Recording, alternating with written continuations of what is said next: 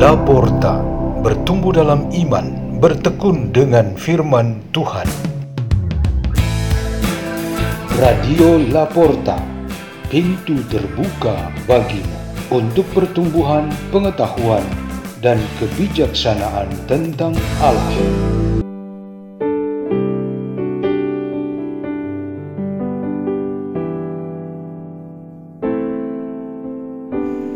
Bersama tim Laporta, asuhan Peter Tukan, biarawan SDB Salesian Don Bosco.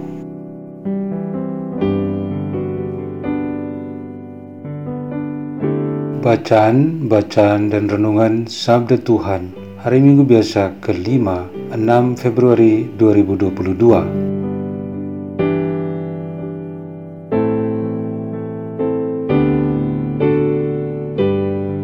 Bacaan dari Kitab Yesaya Dalam tahun wafatnya Raja Yuzia, aku, Yesaya melihat Tuhan duduk di atas tata yang tinggi dan menjulang. Dari ujung jubahnya memenuhi bait suci. Para sefafim berdiri di sebelah atasnya, masing-masing mempunyai enam sayap. Mereka berseru seorang kepada yang lain, Kudus, Kudus, Kuduslah Tuhan semesta alam seluruh bumi penuh kemuliaannya. Maka bergoyanglah alas ambang pintu disebabkan oleh suara orang yang diserukan itu. Dan rumah itu pun penuhlah dengan asap. Lalu aku berkata, Celakalah aku, aku binasa, sebab aku ini seorang yang najis bibir, dan aku tinggal di tengah-tengah bangsa yang najis bibir. Namun mataku telah melihat Sang Raja, Tuhan semesta alam.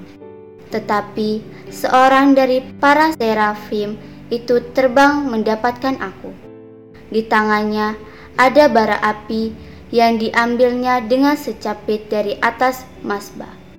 Ia menyentuhnya bara api itu pada mulutku serta berkata, Lihat, bara ini telah menyentuh bibirmu, maka kesalahanmu telah dihapus dan dosamu telah diampuni. Lalu aku mendengar suara Tuhan berkata, Siapakah yang akan kuutus? Dan siapakah yang akan pergi atas namaku? Maka aku menjawab, Inilah aku, utuslah aku. Demikianlah sabda Tuhan.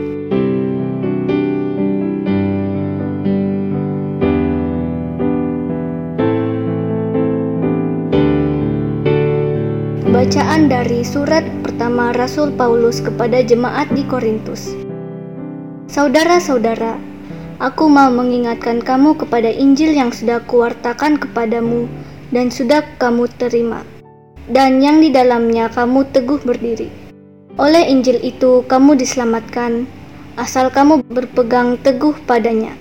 Sebagaimana kuwartakan kepadamu, kecuali kalau kamu sia-sia saja menjadi percaya.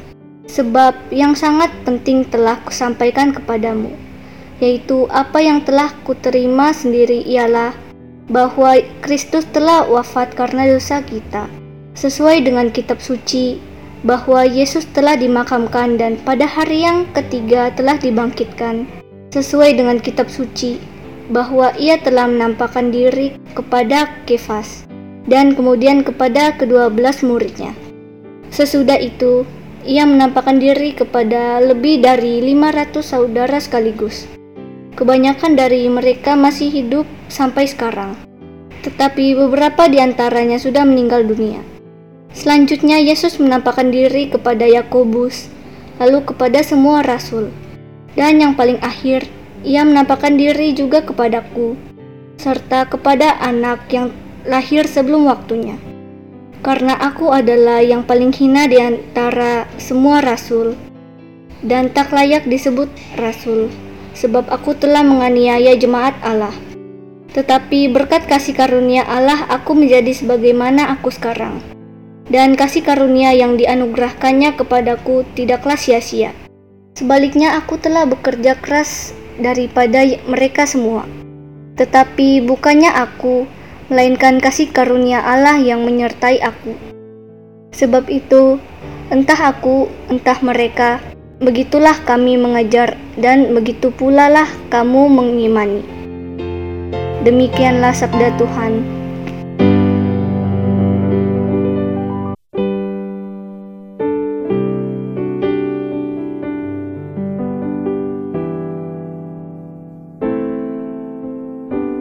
Injil Yesus Kristus menurut Lukas bab 5 ayat 1 sampai 11. Sekali peristiwa Yesus berdiri di pantau dari Genesaret, banyak orang mengerumuni dia hendak mendengarkan firman Allah. Yesus melihat dua buah perahu di tepi pantai. Nelayan-nelayannya telah turun dan sedang membasuh jalannya. Yesus naik ke dalam salah satu perahu itu yaitu perahu Simon dan menyuruh dia supaya menolakkan perahu itu sedikit jauh dari pantai. Lalu Yesus duduk dan mengajar orang banyak dari atas perahu. Setelah selesai berbicara, Yesus berkata pada Simon, Bertolaklah ke tempat yang dalam dan tebarkanlah jalamu untuk menangkap ikan. Simon menjawab, Guru, telah sepanjang malam kami bekerja keras dan kami tidak menangkap apa-apa. Tetapi karena perintahmu, aku akan menebarkan jala juga. Dan setelah melakukannya mereka menangkap ikan dalam jumlah besar sehingga jala mereka mulai koyak. Lalu mereka memberi isyarat kepada teman-teman di perahu yang lain supaya mereka datang membantu. Maka mereka itu datang lalu mengisi kedua perahu itu dengan ikan hingga hampir tenggelam. Melihat hal itu Simon Petrus tersungkur di depan Yesus dan berkata, Tuhan tinggalkanlah aku karena aku ini seorang berdosa. Sebab Simon dan teman-temannya takjub karena banyaknya ikan yang mereka tangkap. Demikian juga Yakobus dan Yohanes, anak-anak Zebedeus yang menjadi teman Simon. Yesus lalu berkata kepada Simon, Jangan takut, mulai sekarang engkau akan menjala manusia. Sesudah menghelat perahu-perahunya ke darat, mereka pun meninggalkan segala sesuatu dan mengikuti Yesus. Demikianlah sabda Tuhan.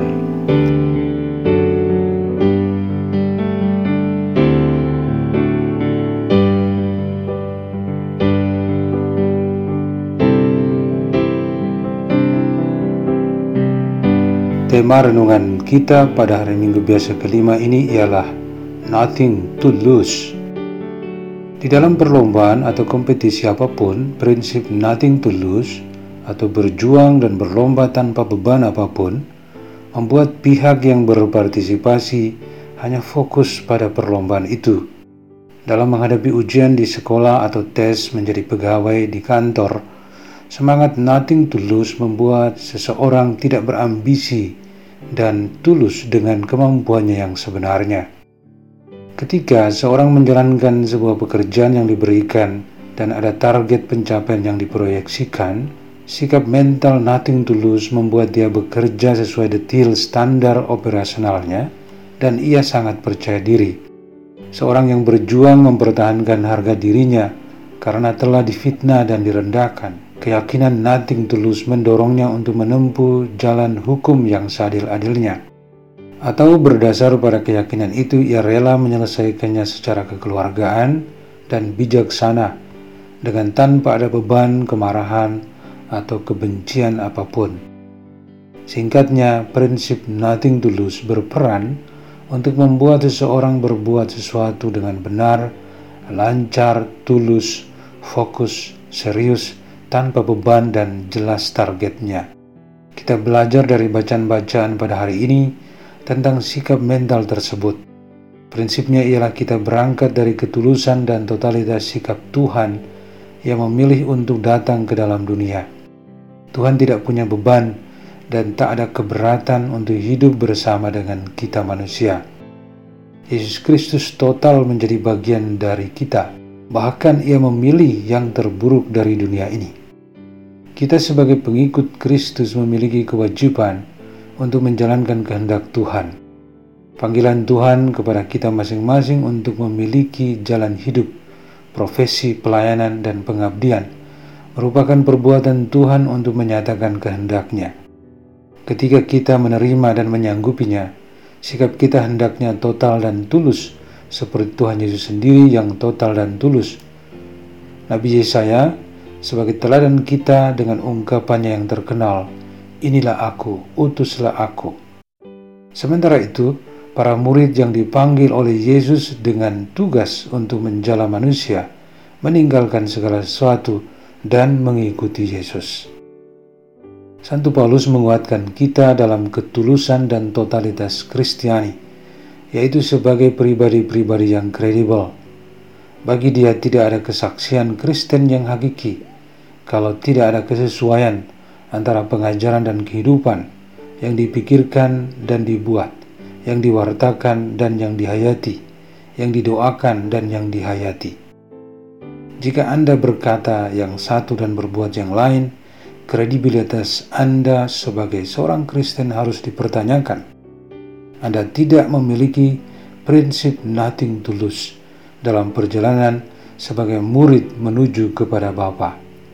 Oleh karena itu, marilah kita bersikap tulus, fokus, dan total sebagai pengikut Kristus. Marilah kita berdoa dalam nama Bapa dan Putra dan Roh Kudus. Amin. Ya Bapa yang baik, Berkatilah dan rahmatilah kami untuk menjadi anak-anakmu yang sejati. Bapa kami yang ada di surga, dimuliakanlah namamu. Datanglah kerajaanmu, jadilah kehendakmu. Di atas bumi seperti dalam surga. Berilah kami rezeki pada hari ini, dan ampunilah kesalahan kami, seperti kami pun mengampuni yang bersalah kepada kami. Dan janganlah masukkan kami ke dalam pencobaan, tetapi bebaskanlah kami dari yang jahat. Amin dalam nama Bapa dan Putra dan Roh Kudus. Amin. Radio Laporta, pintu terbuka bagi